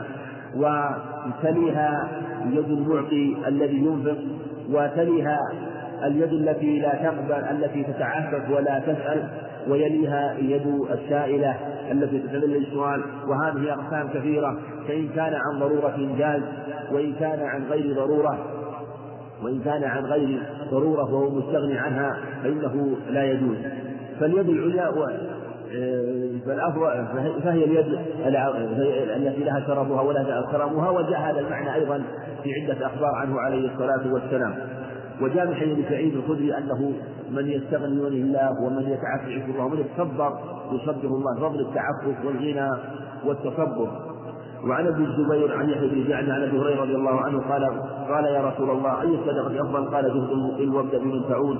رواه أحمد وهذا لفظه وأبو داود والحاكم وقال عن شرط مسلم وليس كذلك فإن يحيى لم يروي له مسلم ولكن وثقه أبو حاتم وغيره. والحديث صحيح رواه أبو داود وفيه أفضل الصدقة جهد المقيم. أفضل الصدقة لأن المقيم أن يخرج من قلة وعن حاجة ولهذا سبق لحديث ابي ذر ومعناه من حديث أبي هريرة أنه عليه الصلاة والسلام قال سبق درهم مئة ألف درهم. رجل له درهم صدق بأحدهما ورجل عنده مال كثير أخذ من عرضه مئة ألف درهم فصدقة المقل أفضل. لكنها ينبغي أن تكون هذه الصدقة لا يترتب عليها ضرر. يعني يسأل الناس أو يطلب الناس فإذا تصدق وسأل فهذا يمنع من الصدقة. إلا إنسان يعطي المال وعنده صبر وعنده ثقة بالله فالصحيح لا بأس أن يتصدق حتى ولو بجميع ماله كما تصدق أبو بكر بجميع ماله كما سيأتي. وعن أبي هريرة رضي الله عنه قال قال رسول الله ومن تصدقوا فقال رجل يا رسول الله عندي دينار. قال تصدقني على نفسك. قال عندي آخر. قال تصدقني على زوجتك. قال عندي آخر. قال تصدقني على ولدك قال عندي آخر. قال تصدقني على خادمك. قال عندي آخر. قال أنت أبصر. رواه رواه أبو داود. قال رواه ابو داود النسائي وهذا هو صححه الحاكم. وهذا الخبر آه، جيد لا بأس به وقد وهنا ذكر المصنف رحمه الله هذا اللفظ لفظ النسائي في تقديم الزوج على الولد. فعند أبي داود تقديم الولد على الزوجة وعند مسلم عن حديث جابر تقديم الأهل بعد النفس. فعلى هذا أول ما يبدأ به النفس. ثم الولد أو الزوجة اختلاف الروايات. ثم الخادم ثم قال في الخادم ثم قال أنت أبصر بعد ذلك. وهذا يبين أن من كان عنده هذه المقدار فهو غني. والأظهر أنه يبدأ بالنفس أولا ثم الولد وأن الزوجة بعد ذلك. هذا الأظهر ولهذا والرواية الثانية في تقديم الولد أصح من جهة المعنى ولعلها أصح أيضا من جهة الرواية لأن جاء في الأخبار الأخرى ما يؤيد آه، أن الولد مقدم. على النفقة وما عندي خلاف بين العلم لكن أظهر أن الولد مقدم لأن الولد يتصل به و آه، وهو وهو نفقته واجبة على كل حال، أما الزوجة فإنه لو لم لو أعسى ولم يستطع النفقة فإنه يفارقها ويطلقها فينفق عليها قريب أو يتزوجها الإنسان فينفق عليها وهكذا الخادم لو لم يستطع النفقة عليه فإنه يعتقه و يبيعه على يعتقه فيتكسب أو يبيعه على من ينفق عليه. أما الولد فليس له إلا من ينفق عليهم وهو والدهم ومن. فلهذا كانوا مقدمين على الزوج على الصحيح. وعن هشام بن سعد عن زيد بن عن أبيه قال عن أبيه قال سمعت عمر الخطاب رضي الله عنه يقول أمرنا رسول الله صلى الله عليه وسلم أن نتصدق فوافق ذلك عندي فوافق ذلك مالا عندي. فقلت اليوم أسبق أبو بكر سبقته يوما فجئت بنصف مالي فقال رسول الله صلى الله عليه وسلم ما أبقيت لين قلت مثله. قال وأتى أبو بكر بكل ما عنده فقال رسول الله صلى الله عليه وسلم ما أبقيت لأهلك قال أبقيت لهم الله ورسوله. فقلت لا أسابق إلى شيء أبدا. رواه عبد بن حميد مسنده ورواه أبو داود وهذا لفظ والترمذي. وقال حديث صحيح وقد أخطأ من تكلم في ذلك هشام فإن مسلم روى له وقال أبو داود هشام بن سعد من أسف الناس في زيد بن أسلم. وعن عائشة رضي الله عنها قالت قال النبي صلى الله عليه وسلم إذا أنفقت المرأة من طعام بيته غير مفسدة كان لها أجرها بما أنفقت ولزوجها أجر بما كسب وإن خرج مثل ذلك لا ينقص بعضهم أجر بعض شيئا وفي رواية من بيت زوجها متفق عليه. وعن أبي سعيد رضي الله عنه قال خرج رسول الله صلى الله عليه وسلم في أضحى أو فطر إلى المصلى ثم صرف وعظ الناس وأمرهم بالصدقة. فقال أيها الناس صدقوا. فمر على النساء فقال يا معشر النساء صدقنا فإني رايت رايتكن أكثر أهل النار. فقلنا ومما ذلك يا رسول الله؟ قال تكثرن اللعن وتكثرن العشير. ما رأيت من ناقصة عقل وفي أذهب للب الرجل حازم من احداكن يا معشر من إحداكن يا معشر ثم انصرف فلما صار, فلما صار إلى منزله جاءت زينب امرأة عبد الله بن مسعود تستأذن عليه فقيل يا رسول الله هذه زينب؟ فقال أي زينب؟ فقيل امرأة بن مسعود. قال نعم إذن لها.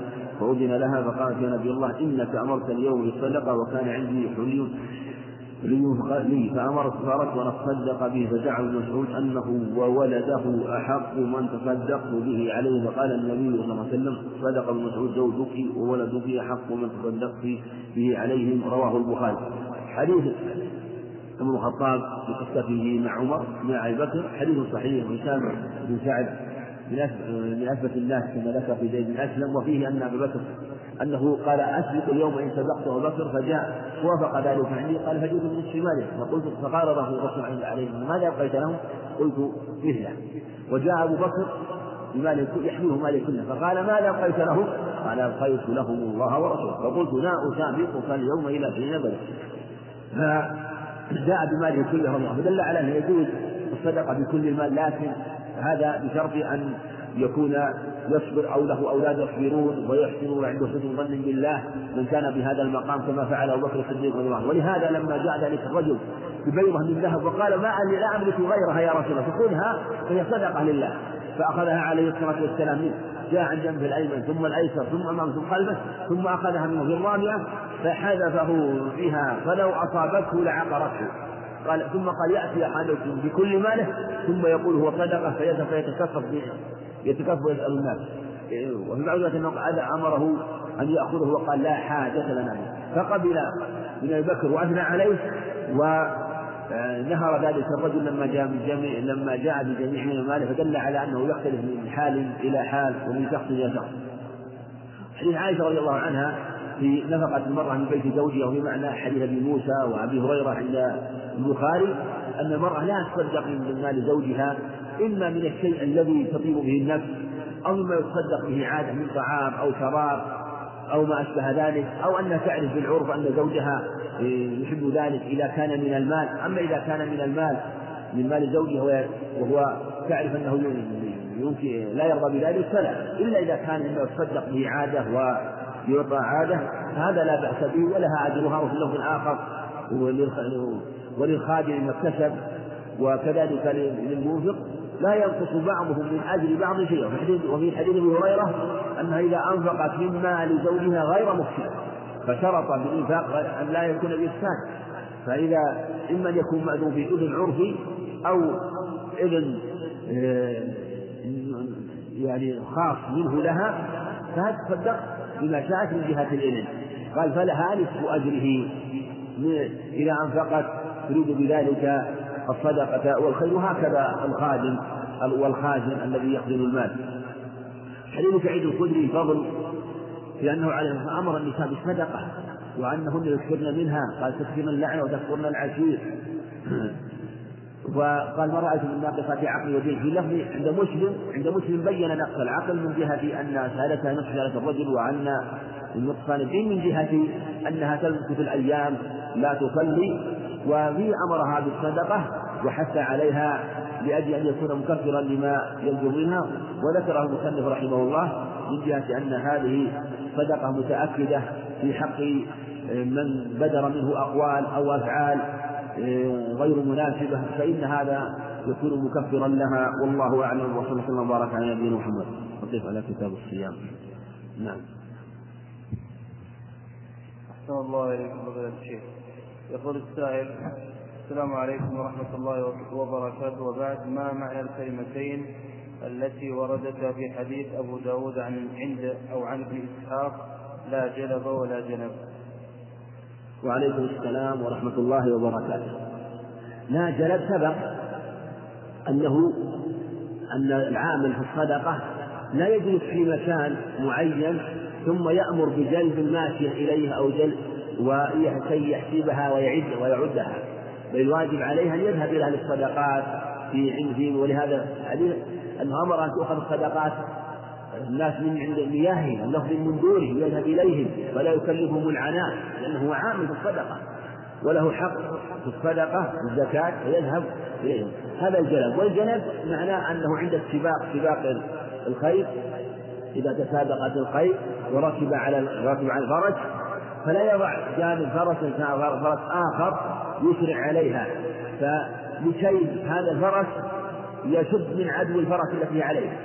حتى إذا كانت الفرس الفرس له فإذا لم يسابق إنسان جعل فرس آخر حتى يستد فرسه ويسرع إذا كانت فرس بجواره أو لأجل مثلا أن يركب عليها لأن بعض الفروسية له قوة وعلم الفروسية يمكن أن يقفز من فرس إلى فرس. يخرج عليها إذا تعبت تلك الفرس فهذا معنى لا جلب ولا جنب. نعم. الله إليكم. يقول السائل ما القول في رواية زياد بن أبي زياد؟ وما القول الراجح في رواية المبتدع؟ وما معنى حديث دعوا الحبشة ما تركوكم وهل له قصة؟ زياد بن أبي زياد المعروف يزيد بن أبي زياد هو ضعيف. يزيد بن أبي زياد هو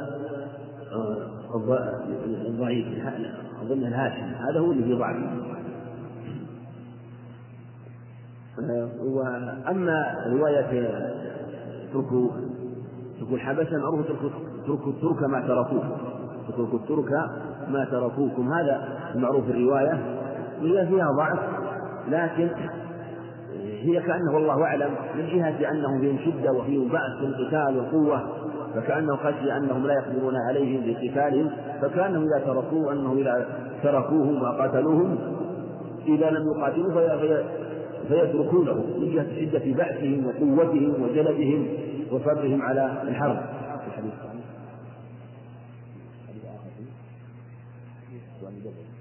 نعم يقول ما معنى حديث الحبشة؟ ما تركوكم هل له قصة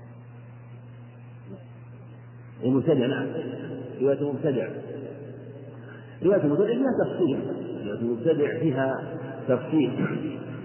كثير وإن كان الصحيح أنها أن المبتدع إذا لم يكن رأسا في البدعة أو داعيا إليها. فإن كان رأسا في البدعة أو داعيا إليها فلا ولأن الغالب من كان رأسا في البدعة أنه يدعو إلى بدعة ما كان رأسا إلا لدعوته إليها. أو يدعو إليها ولو لم يكن رأسا فلا يؤخذ منه فلا يؤخذ. وبعض أهل العلم يرى تفسيرا آخر ويقول إنه يجوز رواية المبتدع فيما وكذلك تفسير آخر في هذه المسألة إذا روى المبتدع ما يقوي بدعته. إذا روى المبتدع ما يقوي بدعته فإنه لا تقبل روايته أو كان رأسا في البدعة أو يدعو إليها فكذلك. أما وكذلك إذا روى ما يقوي بدعته. وبعض أهل العلم روى لأهل البدع وكانوا رأسا من من رواية البخاري عن عمران بن حطان وكان آه، من رؤساء الخوارج وكان أولا على السنة كما ذكروا في ترجمة لكن تزوج امرأة من آه، تدعو إلى مذهب الخوارج تزوج يريد أن يدعوها إلى مذهب أهل السنة وكانت لسنة فدعته وأثرت عليه فصرفته إلى مذهب الخوارج. هذا يبين سوء مخالطة من أهل البدع وأهل الضلالات وأن يجب اجتنابهم إلا على وجه يكون فيه الحذر والعلم والفهم لأنه ربما لبسوا وربما خلطوا الحق بالباطل فاشتبه كما يقع في هذه الأزمان التباس الحق على كثير ممن قصر فهمه وعلمه فتابع أهل البدع أو صوب أقوالهم المقصود أن البدع فيه تفصيل كما سبق وخلاف بين العلم والأظهر أنها الأقرب هو ما ذكر على التفصيل السابق. نعم.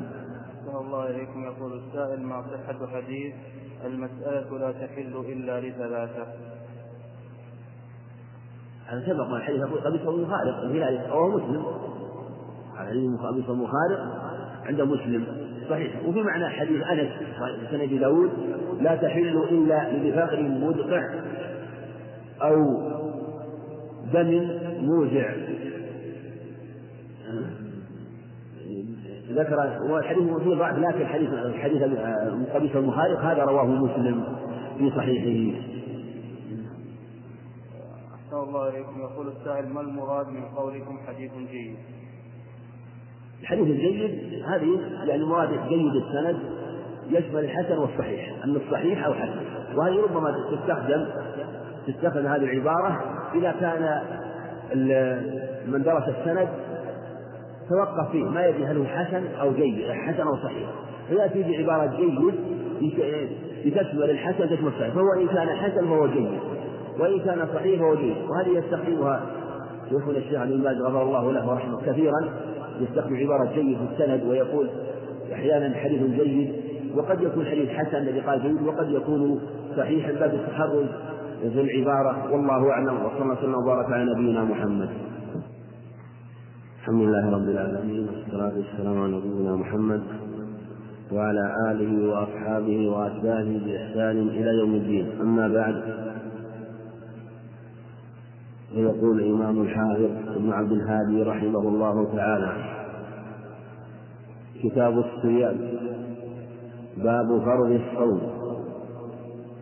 عن أبي هريرة رضي الله عنه قال قال رسول الله صلى الله عليه وسلم لا تقدموا رمضان بصوم يوم ولا يومين إلا رجل كان يصوم صوما فليصومه متفق عليه واللفظ لمسلم. الصيام أحد أركان الإسلام كما هو معلوم وهو الركن الثالث بعد الشهادتين. وقد اتفق العلماء على وجود دلت على ذلك النصوص من الكتاب والسنة.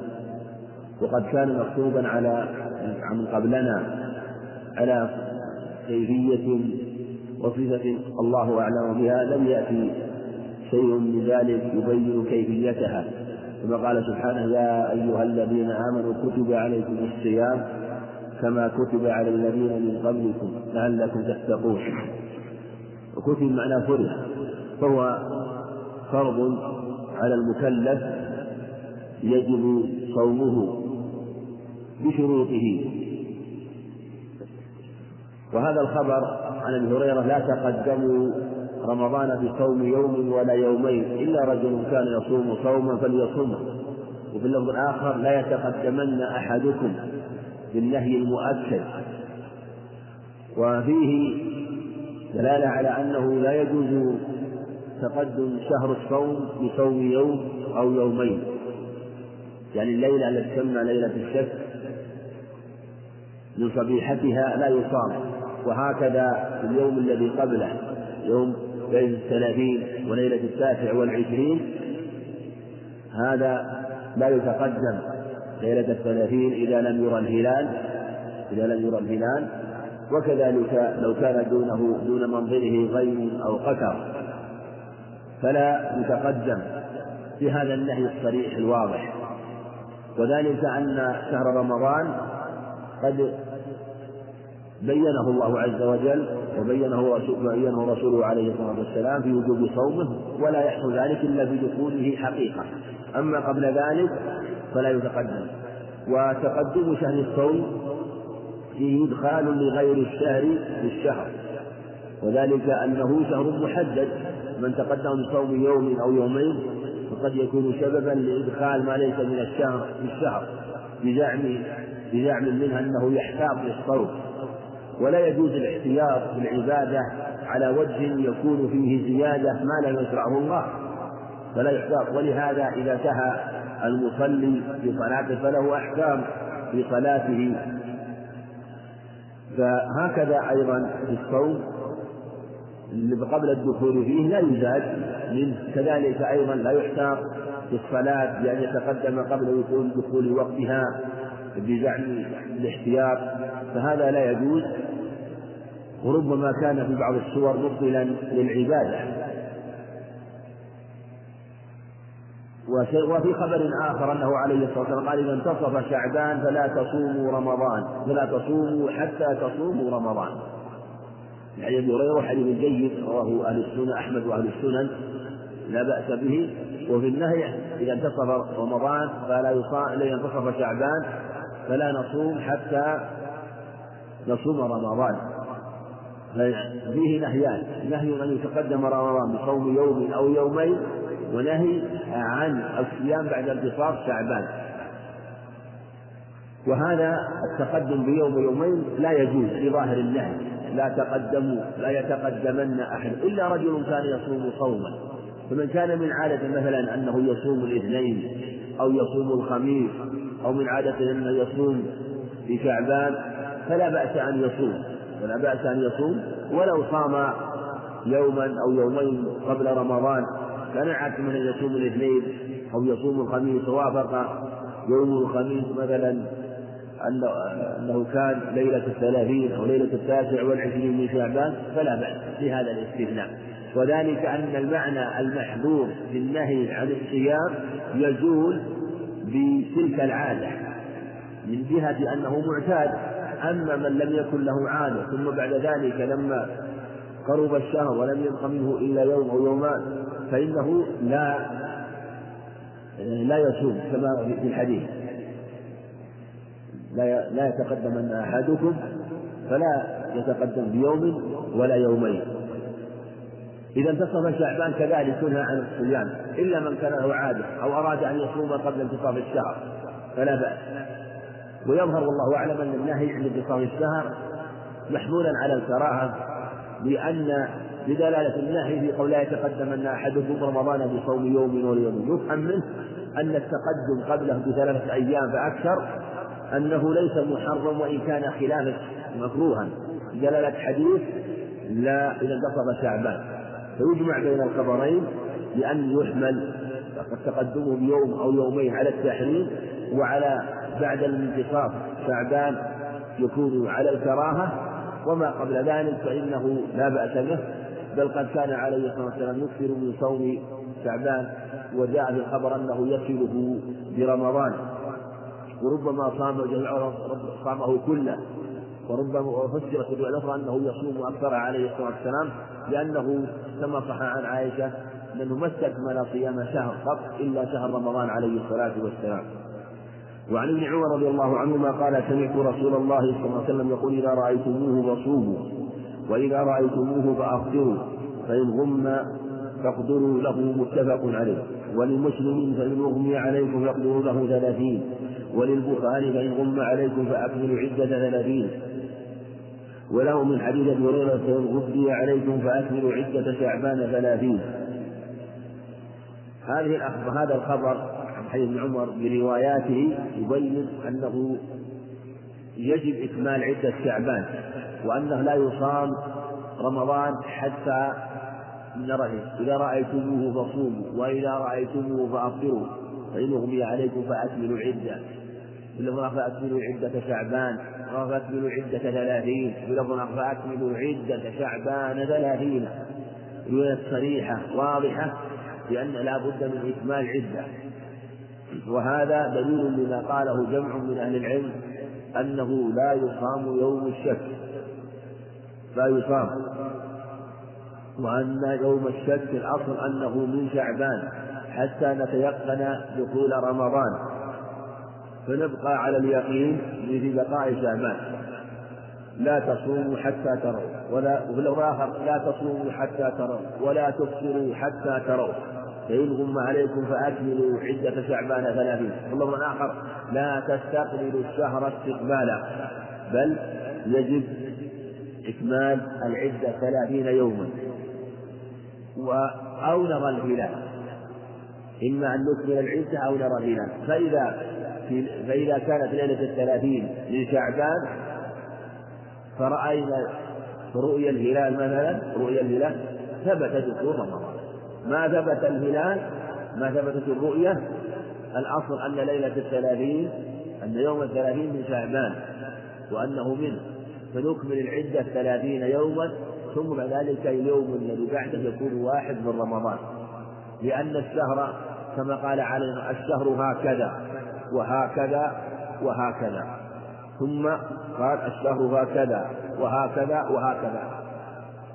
خلت بإلهامه بالثالث عليه السلام يعني أنه يكون ثلاثين عشر وعشر وعشر يكون ثلاثين ويكون يكون تسعا وعشرين عشر وعشر وتسع تبين أنه يكون ثلاثين ويكون تسعا وعشرين.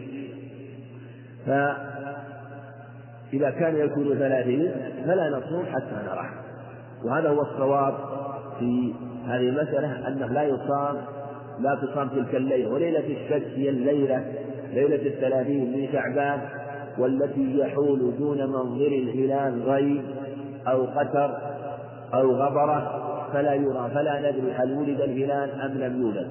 والأصل بقاء الشهر والاعتبار بكلام الحاسبين في هذا باتفاق أهل العلم. وحكى الاتفاق على ذلك جمع من أهل العلم.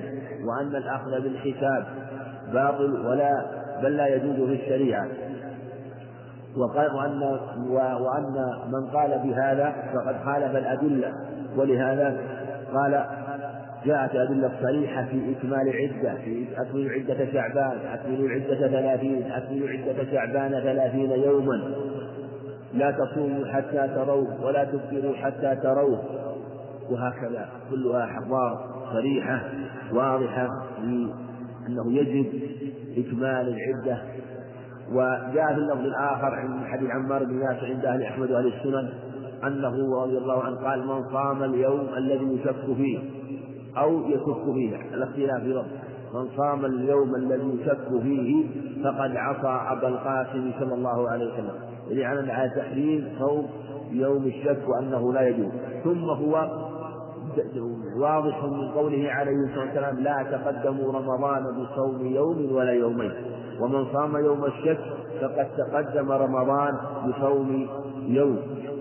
لأن الأصل أن هذه أن هذا اليوم من شعبان ما لم يتحقق دخول رمضان. وعن أبي مالك الأشجعي عن حسين بن حارث الجبلي جديرة جديرة قيس عن أمير أن أمير مكة خطب ثم قال عهد إلينا رسول عهد إلينا رسول الله صلى الله عليه وسلم أن ننسك للرؤيا فإن لم نره وشهد شاهد عدل نسكنا بشهادتهما.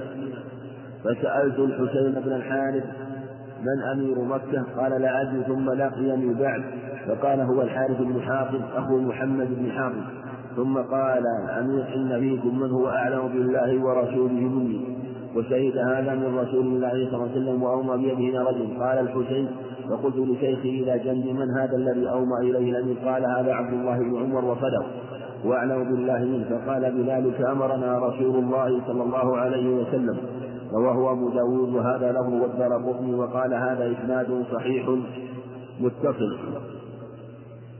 وهذا أيضا شاهد حديث جيد حديث الحارث بن حاطب وصدقه عبد الله بن عمر أنهم أمرهم أن ينسكوا النسك والعبادة يعني أن أن نصوم الشهر للرؤيا فإن لم نره وشهد شاهد عدل نسكنا برؤيته لا دلالة على أنه, أنه لا يصام حتى يرى وأن الرؤية لا بد أن تثبت بالشهادة وسيأتي أنه يكتفى بشهادة رمضان يكتفى بشهادة واحد.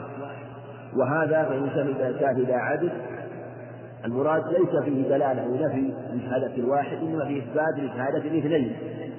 ويفهم ويؤخذ بالمفهوم أنه أن شهادة الواحد لا تقبل. إنما دلالة منطوقة على أنه تقبل أنه يقبل فيه اثنان. ومفهومه أن الواحد لا يقبل وهذا المفهوم مرتفع. بالحديث صريح لابن عمر بن عباس في قبول شهادة الواحد كما سيأتي. وعن أبي بكر بن نافع عن أبيه عن ابن عمر رضي الله عنهما قال تراءى الناس الهلال. فأخبرت رسول الله صلى الله عليه وسلم أني رأيته فصامه وأمر الناس بصيامه رواه أبو داود وابن حبان والحاكم وقال على شرط مسلم. وهو خبر صحيح في أنه أو يشرع تراءي الهلال إذا تراءى تراءى تراءى تراءى الناس الهلال أو تراءى الناس ورسول الله صلى الله عليه وسلم الهلال. فرأيته فأخبرت رسول الله صلى الله عليه وسلم فصامه وأمر الناس بصيامه برؤية عبد الله بن عمر. وهذا دليل على ثبوت شهر الصوم برؤية رجل واحد كما أثبته في خبر عبد الله بن عمر هنا وأثبته برؤيته.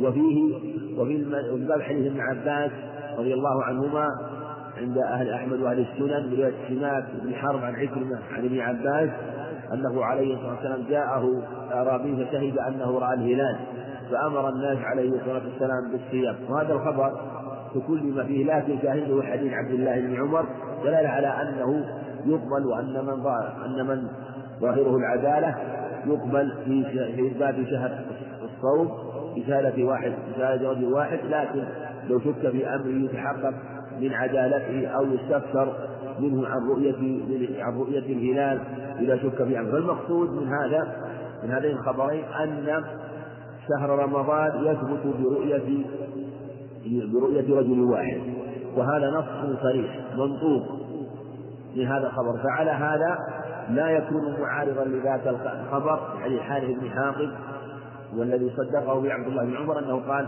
إذا شهد شاهدان فصوموا. في اللفظ الآخر فإن شهد شاهد عدل فصوموا وأفطروا. إنما كما سبق من طريق المفهوم والمفهوم لا يعارض المنطوق وقد يحمل على أنه كان في واقعة معينة شهد رجلان فقال عليه السلام صوموا لشهادتهما. أو أنه على الأولى كلما كثر الرؤية أو الرائين للهلال كلما كان أثبت في نفس الأمر وإن كان يثبت في خبر واحد. وعن ابن عمر رضي الله عنه وعن عصرة عن رضي الله عنها عن النبي صلى الله عليه وسلم قال من لم يبيت الصيام قبل الفجر فلا صيام رواه الإمام أحمد وأبو داود وابن ماجه والنسائي والترمذي وقال لا نعرفه مرفوعا إلا من هذا الوجه. وقد روي عن نافع عن ابن عمر قوله يعني من قوله. يكون منصوبا على نزع الخافض وهو أصح. قال النس وقال النسائي والصواب عندنا موقوف. وقال البيهقي قد اختلف على الزهري في إسناده وفي رفعه وعبد الله بن أبي بكر أقام إسناده ورفعه وهو من الثقات الأثبات. وعن عائشة رضي الله عنها قالت دخل علي النبي صلى الله عليه وسلم ذات يوم فقال هل عندكم شيء؟ فقلنا لا. قال فإني إذا صائم. ثم أتانا يوما آخر فقال فقلنا يا رسول الله أهدي لنا حيث. قال أرني. فلقد أصبحت صائما. فأتى وفي لفظ. قال طلحة وابن عمر فحدثت مجاهدا بهذا الحديث. فقال ذاك منزلة الرجل يخرج الصدقة من ماله فإن شاء أمضاها وإن شاء أمسكها. حديث ابن عمر عن حفصة حديث صحيح وقد روى عبد الله بن أبي بكر. محمد بن علي بن حزم وهو ثقة. وفيه كم أنه يجب تبييت النية للصوم من لم يبيت الصيام من الليل فلا صيام له. وفي اللفظ الآخر عند ابن ماجه والدار قطني من لم يفرغ الصيام من الليل فلا صيام له. ويدل له عموم قوله عليه الصلاة والسلام إنما الأعمال بالنيات. وهذه عبادة ولا بد له من النية. فهذا الخبر أخذ به جمهور العلماء بوجوب تبييت النية لصيام رمضان. وذلك أن النية هي التي تبين القصد للعبادة وتميز الإمساك الذي لا يقصد به. العبادة من الإمساك الذي تقصد به العبادة فلهذا لا صيام. والنفي الأصل فيه للحقيقة وأنه لا يصح الصيام.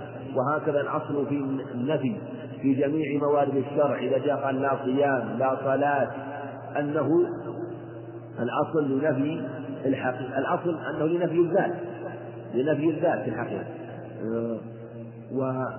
وهو وإن كان يوجد لغة لكنه منفي شرعا. هو إن صام لغة وأصبح ممسكا بمعنى أنه لا لم يتناول المفطر لكنه غير صائم شرعا.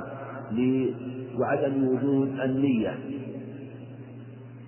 وهذا العموم وهذا النفي مخصوص بصوم التطوع وصوم التطوع يجوز بغير نية في خبر عائشة السابق الذي بعد هذا.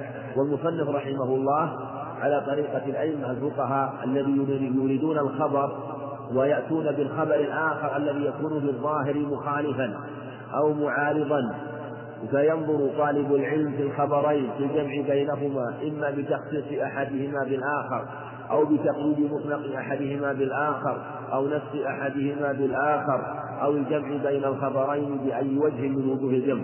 وهذه الطريقة يسلكها الحافظ ابن حجر رحمه الله في التقريب ومما اعتنى بها رحمه الإمام أبو داود رحمه الله في سننه. فإنه ربما ساق الخبر وساق الذي يكون في الظاهر مخالفا له فينظر طالب العلم في هذين الخبرين ويراجع ويتأمل كلام أهل العلم في كيفية النظر والتأليف والعقد والجمع بين هذه الأخبار. وهكذا في هذا الخبر ساق الخبر الذي فيه نفي الصيام وأنه لا صيام لمن لم يبيت الصيام من الليل. ثم ساق خبر عائشة أنه عليه الصلاة جاء يوما ودخل قال عندكم طعام فقالوا لا قال إني إذا صائم. وفي يوم آخر جاء وسأل عن طعام فقالوا هد لنا حيث فقال فلقد أصبحت صائما ثم أكل عليه الصلاة والسلام في واقعتين. وظاهر الخبر أنه كان مفطرا يعني قال إني إني إذا وإذا للاستقبال صائم. وظاهر الخبر أنه أصبح مفطرا بمعنى أنه لم يفرغ الصيام من الليل. فلن سأل عن الطعام فلما لم يجد قال إني إذا صائم. دلالة على أن صوم النفل لا يشترط له النية وأن من أصبح مفطرا بمعنى أنه لم ينوي الصوم ثم نوى الصوم بعدما أصبح أو نواه بعدما أمسى على الصحيح أيضا فإنه يصح الصوم سواء نواه بعدما أصبح أو بعدما أمسى. والأظهر أن الأجر يختلف بحسب النية بحسب ابتداء فإن كان نواه بعدما أصبح مثلا لما أصبح ونوى مثلا من الساعة آه، قبل قبل زوال الشمس يكون تكون نيته يكون أجره بحسب بابتداء النية وإذا نواه بعدما أمسى مثلا بعد الظهر نواه بعد الظهر أو بعد العصر فيصح على الصحيح. ويصح ما لم تقارن نيته غروب الشمس. ما لم تقارن نيته غروب الشمس فإن صومه يصح للنفل فلو أنه نوى الصوم قبل غروب الشمس بلحظة صح صومه لكن هل يؤجر بصوم يوم كامل أو من نيته؟ قال بعض العلماء يؤجر بصوم يوم كامل وأن النية تنسحب على أول النهار كما أنه من أدرك ركعة